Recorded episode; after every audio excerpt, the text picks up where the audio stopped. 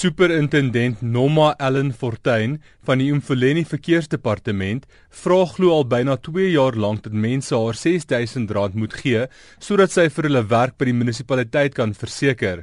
Fortuin, wat sedert Desember soek is, se selfoon is afgeskakel en sy kon nie bereik word vir kommentaar nie. Maar Spectrum het met van haar beweerde slagoffers gepraat wat sê hulle gaan die naweek 'n optog na haar huis en vereniging hou. Volgens Gladys Nofruwani het Fortuin tot einde November nog kontak met haar gemaak. It was in 2013 February when one of my friends told me about Ellen Fortuin. Then I took the money and went to the Bonia Park to Ellen's friend's place. That's where I gave Ellen my money and she said to me by June you'll be working at Mfulin municipality. I gave her 12,000 it was for me and my friend. Ah, she's been calling us and making arrangements that uh, we have to refill the forms, application forms. Sy sê Fortuin werk sonder twyfel vir die munisipaliteit. Yes, I am sure because we went to her workplace many times. We even reported her to her seniors. So they're aware of this. Yes, they are aware of this. Volgens Nofruani het haar hele gesin gehoop dat Fortuin vir hulle werk sal gee. It's me and my siblings. All of us we are 7. 6000 for every one of us it was it's close about 42000 yeah Sy sê Alfortuin se slagoffers kom die naweek bymekaar om op die pad vorentoe te besluit. Apparently we didn't know about the whereabouts of other guys. So I think it's a month now meeting with these other guys. Now we have formed a committee. Then we'll take it from there because we're having a meeting on Friday to take this thing further. I think after Friday we'll decide when to go to the police to open a case.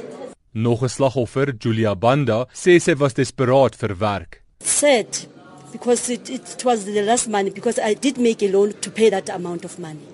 I did make a loan because I'm desperate for a job and she promised that June will be working at a municipality. She says that we must apply for any job that we get there and then when we are inside we'll get the post that we we are settled on.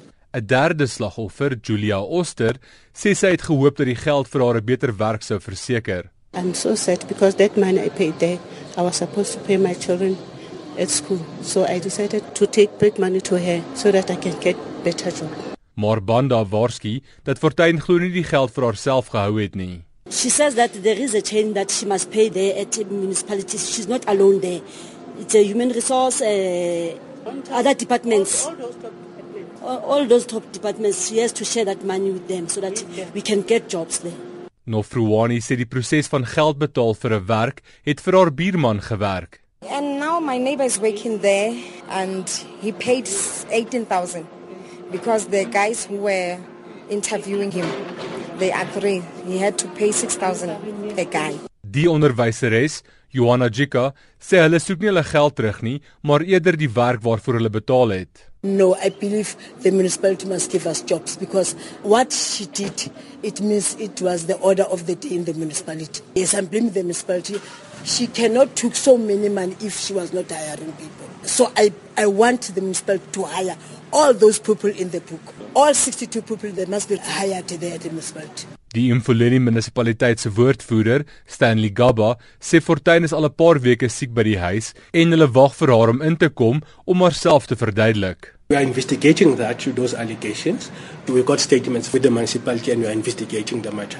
As soon as investigation are complete, we'll institute a disciplinary process. In fact, the municipality would lay criminal charges.